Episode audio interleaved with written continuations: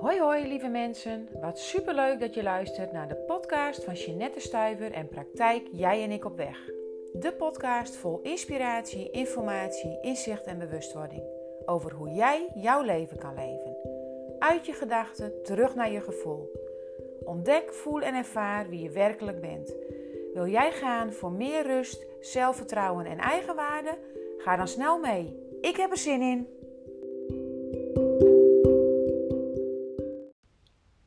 Daar ben ik weer. Tijd voor een nieuwe podcast. Tijd voor een podcast in het thema codependency. Voor een podcast waarin ik je meeneem in een ja, stuk eigen ervaring. Zodat je misschien nog meer kunt gaan herkennen en erkennen dat je niet de enigste bent in dit verhaal. Momenteel krijg ik dagelijks appjes of mailtjes binnen van mensen die zich herkennen in mijn podcast. Voor mensen waarbij de puzzelstukjes op hun plek beginnen te vallen. En dat is zo mooi en waardevol in je eigen persoonlijke proces. Dus in deze podcast wil ik je meenemen in het thema gezien en gehoord worden. En wat daar ja, dan de overlevingsstrategie ja, van is of van kan zijn. En die komt ook vooral voort uit mijn eigen ervaring. Die komt vooral voort uit mijn eigen levensstuk. En zoals ik al vele malen eerder heb verteld, ben ik opgegroeid met een psychisch zieke moeder. Ehm, ja, die haar eigen stukken eigenlijk niet heeft kunnen en willen aangaan. Zeer waarschijnlijk door angst, zeer waarschijnlijk door ja, dat mensen niet wisten wat ze daar mogelijk mee konden in die tijd. En ja, nu de leeftijd heeft uh, waarbij dat eigenlijk niet meer mogelijk is en waarbij ze ja, dat zelf ook niet meer wil. Uh, ze gebruikt inmiddels veel medicatie en daarmee blijft ze stabiel. Maar doordat zij vroeger op mijn jonge leeftijd, want mijn vader heeft me wel eens verteld dat het eigenlijk vanaf het moment was dat, dat ik als eerste, want ik ben de oudste in het gezin, geboren werd, dat het eigenlijk met haar alleen maar slechter is gegaan. En vervolgens is drie jaar later mijn zusje gekomen en ja, mijn vader zei eigenlijk gleed, gleed het af. En natuurlijk ging ze naar de dokter en natuurlijk ging ze naar het GGZ en ze is in haar leven vele malen uh, gedwongen opgenomen geweest. Maar ze heeft haar ook wel eens zelf uh, op laten nemen. Heeft ook uh, een zelfmoordpoging gedaan. Dreigde veel met, ehm, ja, met, met niet meer willen leven. En hè, nu ik zelf ja, al een aantal jaren bezig ben met groeien en ontwikkelen, een aantal jaren bezig ben met mijn eigen persoonlijke proces, vallen er ook bij mij altijd nog weer nieuwe puzzelstukjes. Want ik geloof erin dat je nooit uitgeleerd bent. Ik geloof erin dat er altijd weer een laag uh, dieper is en een laag dieper gaat. En dat is ook een laag waar ik nu weer in zit. De laatste maanden van 2021 waren voor mij, zeker op persoonlijk vlak, pittig. Pittig in mijn perso persoonlijke proces, intens in mijn persoonlijke proces. Um, Soms heb ik het ook als echt vervelend ervaren. Soms heb ik het ook vervloekt wat er allemaal gebeurde. Alleen nu kan ik weer inzien dat het nodig was om daar te komen waar ik nu sta. En dat is eigenlijk al het eerste wat ik je mee wil geven. Weet dat er naar ieder dal weer een heuvel komt. Weet dat er naar iedere down weer een up komt. Dat is gewoon ja, de natuurwet van het leven. En zeker kan een down kan een dal zwaar zijn? Kan het vervelend voelen? Kan het te heftig zijn? Maar daarin vertrouw ik er inmiddels ook op. En ik weet ook ja, dat het in ieder geval bij mij zo werkt. Maar ik weet ook dat het eigenlijk universeel zo werkt. Dat je krijgt wat je aan kan. En dat kan soms heel veel overweldigend, pijnlijk, verdrietig en donker zijn. En zo heb ik dat in mijn eigen persoonlijke proces ook ja, de laatste maanden van 2021 toch weer ervaren. Mede doordat ik uh, zelf met een coachtraject bezig ben. Dus door mijn coach gingen we lagen dieper. Maar ook in mijn uh, persoonlijke omstandigheden veranderde het een en ander. Zo ging mijn man uh, vorig jaar rond de zomer een mannenceremonie doen met het hartmedicijn. En ja, die, die kwam thuis en ineens had ik, had ik de man thuis waar ik misschien al jaren naar verlangde. De man die open stond, de man die bewustzijn had gecreëerd, de man die inzichten had gekregen en daar ook daadwerkelijk mee aan de slag ging. Ik ben zelf al sinds 2014 bezig. En ja, ook bezig met, met steeds weer nieuwe dingen ontwikkelen. En op een gegeven moment komt daar mediteren bij, komt daar reflecteren bij. Trek je eens een kaartje voor jezelf. En dat waren eigenlijk allemaal best wel dingen die mijn partner, ja, die kon daar niet zoveel mee. Die zat niet op dat, op dat stuk, die zat niet op dat gevoel. Ik heb ook wel geprobeerd om hem daarheen te duwen. Uh, ja, met bijna uh, als gevolg dat ons huwelijk een aantal jaren geleden uh, daardoor zou stranden. Gelukkig zijn we daar samen uitgekomen. En heb ik daarin een stap terug kunnen nemen. In dat hij zijn weg loopt, dat hij zijn persoonlijke proces mag doen in zijn tijd en in zijn tempo. En ik mag daarin ook besluiten op het moment dat dat niet meer past bij mij, om daar dan afstand van te doen.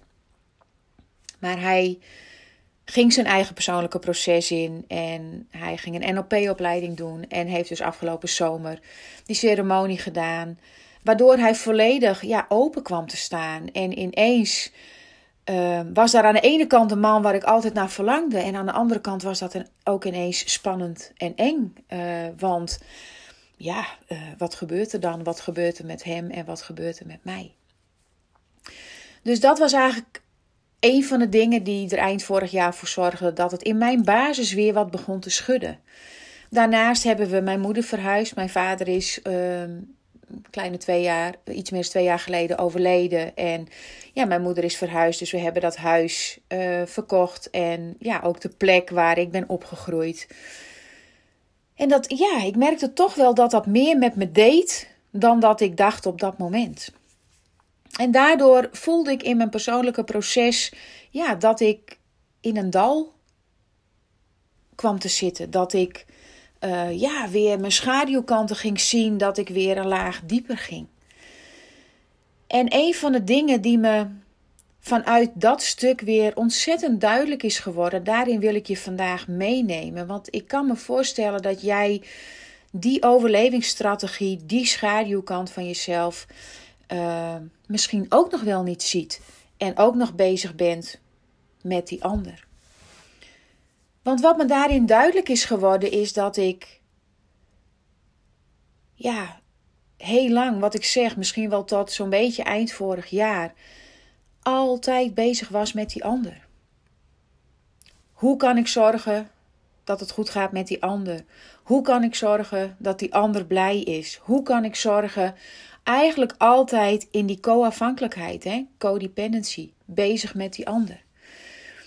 Daarnaast, aan de andere kant, heel graag gehoord en gezien willen worden.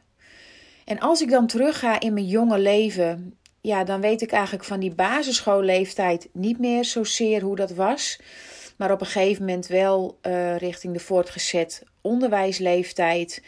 Um, ik zat op dat moment bij een muziekkorps en ik wilde altijd meer. Daar was iemand, uh, ik was een van die uh, dames die met zo'n stokje liep te zwaaien. En ik wilde niet in de groep lopen. Nee, ik wilde de leiding over de groep. Dus ik wilde vooraan in die groep lopen. En uh, vervolgens ging ik door met, uh, met werken met vlaggen in in en om het korps. En ook daar weer hetzelfde. Ik wilde niet in de groep lopen, ik wilde de leiding over de groep en vervolgens wilde ik de trainster van de groep worden. Niet veel later daarna uh, ja, ging ik werken in een bakkerij. En ik wilde niet alleen achter de kassa staan. Nee, ik wilde ook het brood bestellen. Ik wilde ook de kassa tellen. Ik wilde altijd meer, meer en meer. toen heb ik op een gegeven moment ehm, mijn kappersdiploma's gehaald en ben ik uh, als kapster aan het werk gegaan. En kwam ik in een kapsalon terecht waar ik voldoening haalde uit. En als ik het nu aan je vertel, dan denk ik: oh, ongelooflijk. Maar ik haalde voldoening vanuit als ze mij iets vertelde wat mijn collega niet wist, of als ze met mij iets deelde wat ging over mijn collega, dan dacht ik: oh, ze zien mij, ze horen mij.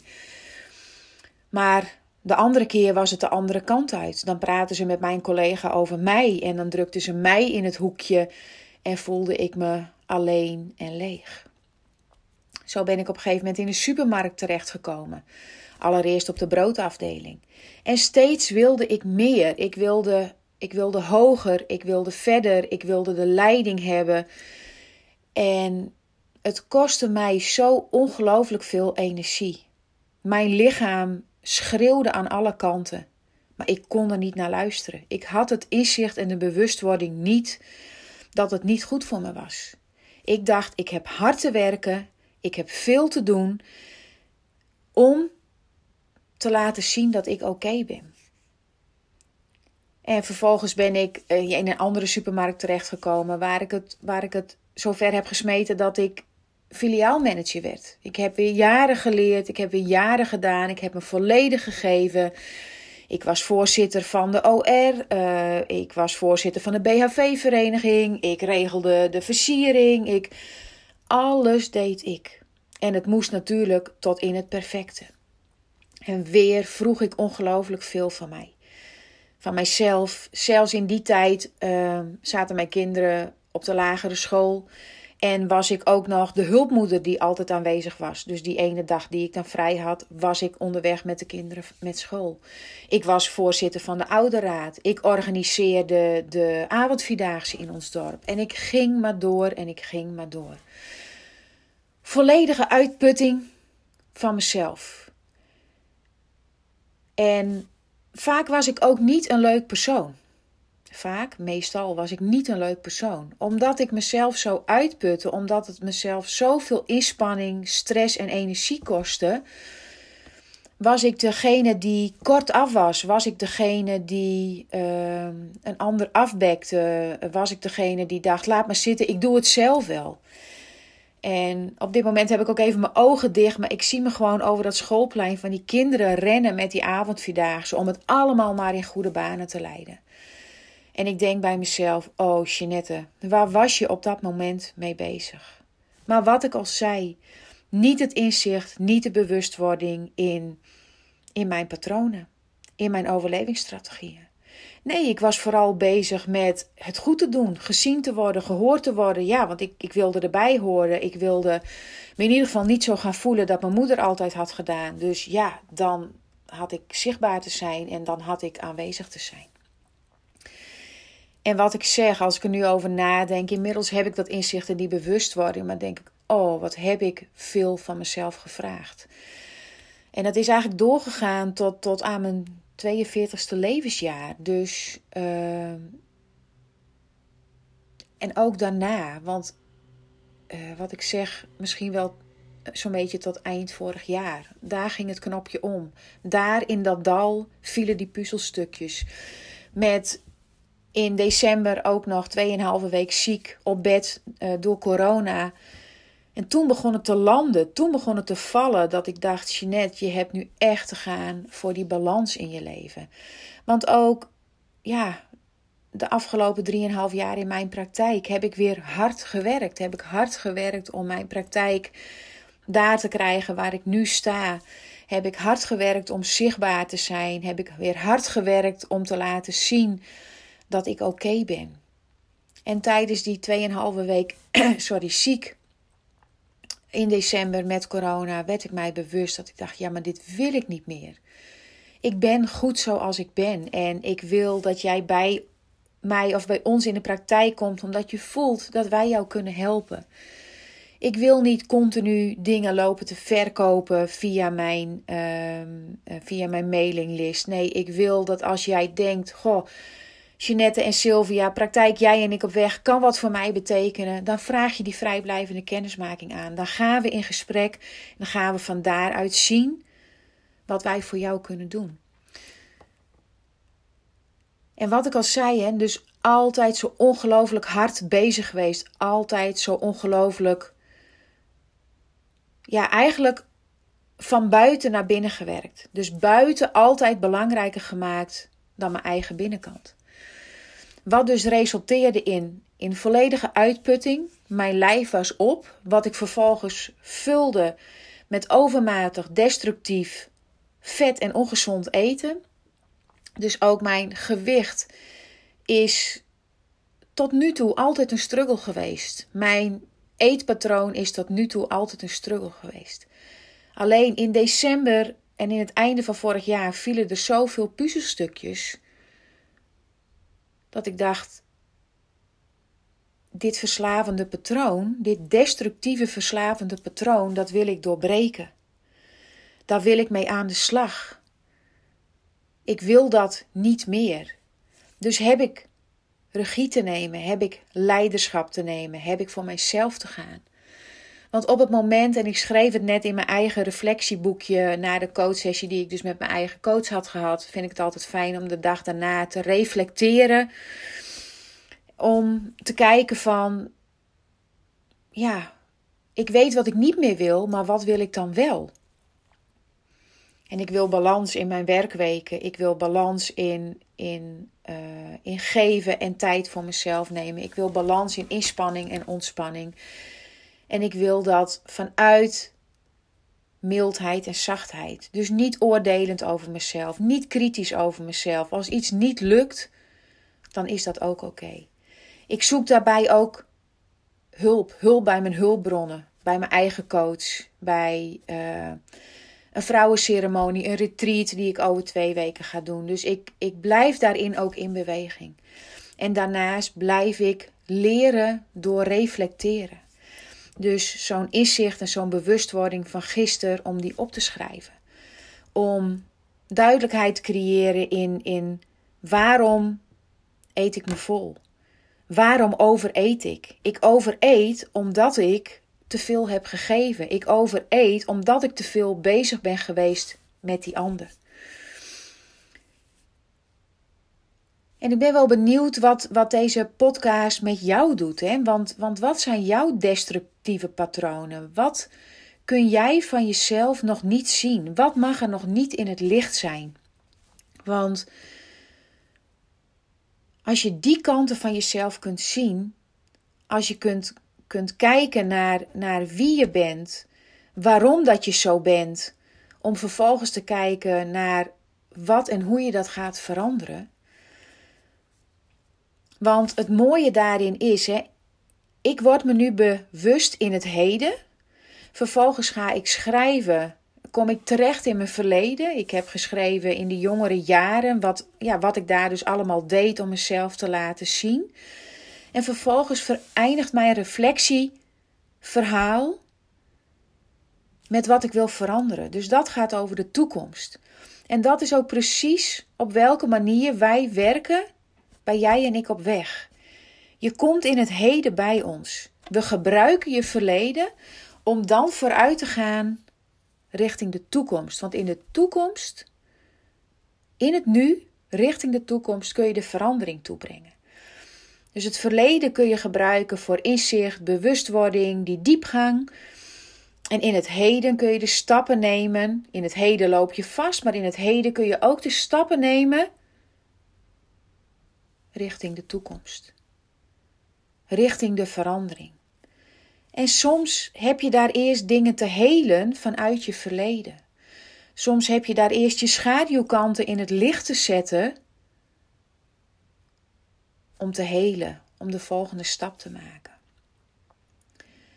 En ik merk ook dat ik op zo'n moment als deze soms best wel twijfel of ik dit met jullie wil delen. Want dan denk ik, heb dan ook zo'n stemmetje in mijn hoofd die zegt, nou, dan kunnen ze wel denken van, oh, nou, eh, hoe goede coach zou dat dan zijn als ze ook nog steeds met haar eigen persoonlijke shit rondloopt.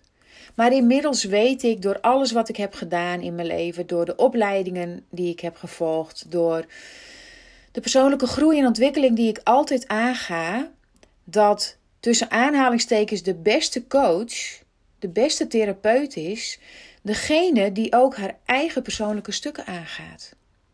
Want als ik als coach of therapeut mijn eigen persoonlijke stukken niet aanga, als ik ze zelf uit de weg ga, hoe kan ik jou dan leren om dat wel te doen? Dus ik heb zelf door dat dal te gaan. Ik heb zelf die diepte op te zoeken. En daardoor word ik weer een andere persoon. Daardoor herken ik weer stukken van mezelf die in het licht zijn gekomen. Daardoor kan ik de verandering weer aanbrengen. Daardoor kan ik helen. Daardoor kan ik transformeren. Uit die geconditioneerde stukken, uit dat geconditioneerde verleden. Want je hebt het alleen maar meegekregen uit je verleden. Daar is jou verteld wie je bent, wie je moet zijn. Uh, en vervolgens ben je dat op jonge leeftijd gaan geloven. Ben je in overlevingsstrategieën terechtgekomen omdat je ouders mogelijk emotioneel niet beschikbaar waren. Kom je nu in je volwassen leven in, in relaties terecht, liefdesrelaties, en het lukt maar niet, of het lukt je maar niet om de liefde te vinden, of het lukt je maar niet om je met de liefde te verbinden. Of op het moment dat je bent verbonden, kom je in een destructief patroon terecht van, van claimen en aan die ander hangen en aan die, uh, alles voor die ander doen, omdat je last hebt van verlatingsangst.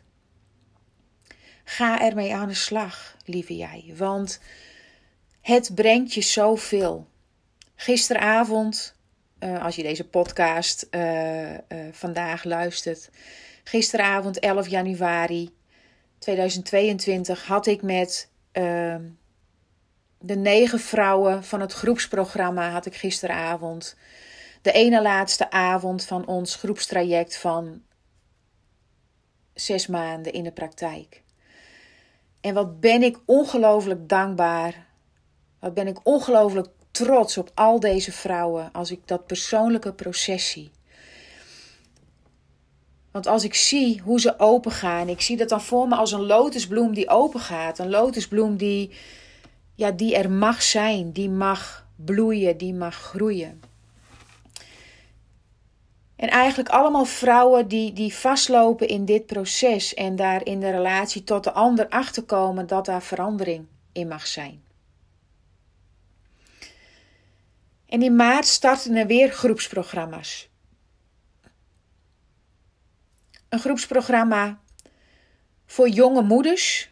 Dus ben jij moeder en heb je kinderen in de leeftijd van 0 tot 12 jaar en voel je dat je vastloopt in je leven, voel je dat je continu bezig bent met, met alles en iedereen, jezelf vergeet, honderdduizend ballen in de lucht aan het houden bent en geen idee meer hoe je het allemaal moet gaan doen, dan is dat programma wat voor jou.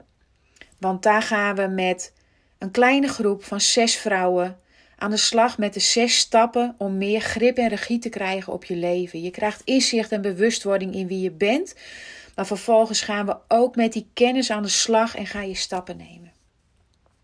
En daarnaast is er ruimte ook voor een groep van zes mannen en vrouwen.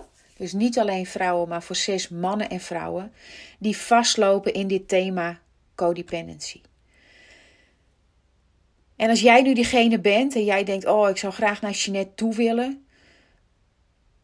Maar ineens voel ik een groepsprogramma. Ja, maar dat wil ik niet, want juist in groepen. Het is niet een standaard regulier groepsprogramma zoals je misschien wel eens leest binnen de reguliere zorg. In dit groepsprogramma gaat het over jou. In dit groepsprogramma is het veilig en vertrouwd. In dit groepsprogramma werk je met ervaringsdeskundige mensen. En gaan we voor samen delen, samen helen. Want het heelt en deelt, of het heelt nog sneller doordat je het deelt met elkaar. Dus voel jij nu, jeetje Jeanette, wat je weer in deze podcast vertelt, daar heb ik iets mee te doen. En weet je, het mooie van het groepsprogramma is dat dat ook voor een, een andere prijs is, uh, voor een lagere investering dan een één op één traject. En soms, zelfs vaak, werkt een groepsprogramma beter en sneller in je persoonlijke groei. Alleen is het vaak de angst die je tegenhoudt, de angst om ervoor te gaan. Dus voel jij nu, hier ben ik aan toe. Is het mogelijk één op één? Is het mogelijk in een groepsprogramma? Trek aan die bel. We gaan in gesprek en kijken dan wat het beste is voor jou. Dus ja, ik eindig dan ook met: wat zijn jouw schaduwkanten? Wat is jouw uh, overlevingsstrategie? Wat is het destructief in jouw leven waardoor jij niet je leven te volle leeft? Want hè, wat ik net je vertelde met, met wat er bij mij dan aan de hand was, dat ik alleen maar aan het werken was, alleen maar aan het gaan was, alleen maar bezig was met die ander. Om gezien en gehoord te worden, om volledig uitgeput te raken, tot mijn lichaam er bijna mee ophield en ik me met medicatie, pijnmedicatie op de been hield. Wat voor leven is dat dan? Is dat het leven wat ik mezelf wil herinneren op het moment dat ik ooit op mijn sterfbed lig? Wil ik dan denken hoeveel pijn ik heb geleden? Wil ik dan denken hoe klote mijn leven was? Wil ik dan denken wat ik allemaal voor anderen heb gedaan? Wil ik dan spijt hebben van alles wat ik niet heb gedaan voor mezelf? Nee, nee, nee, ik wil dat niet. Maar wat wil jij? Laat die vraag bij je binnenkomen. Denk maar eens aan het moment dat je op je sterfbed ligt. Denk maar eens aan het moment dat de mensen op jouw begrafenis komen. Wat wil jij dan dat die mensen over jou vertellen? En leef je dan dat leven waar zij het op dat moment over hebben? Leef jij dan wat zij vertellen? Is dat niet zo? Dan zeg ik: trek aan die bel en zorg dat je ervoor gaat. Wat ik eerder al heb gezegd, ik wil niet dat je zomaar iets bij ons koopt. Ik wil niet dat je zomaar iets doet waarvan je denkt: oh, misschien gaat het mij wel helpen.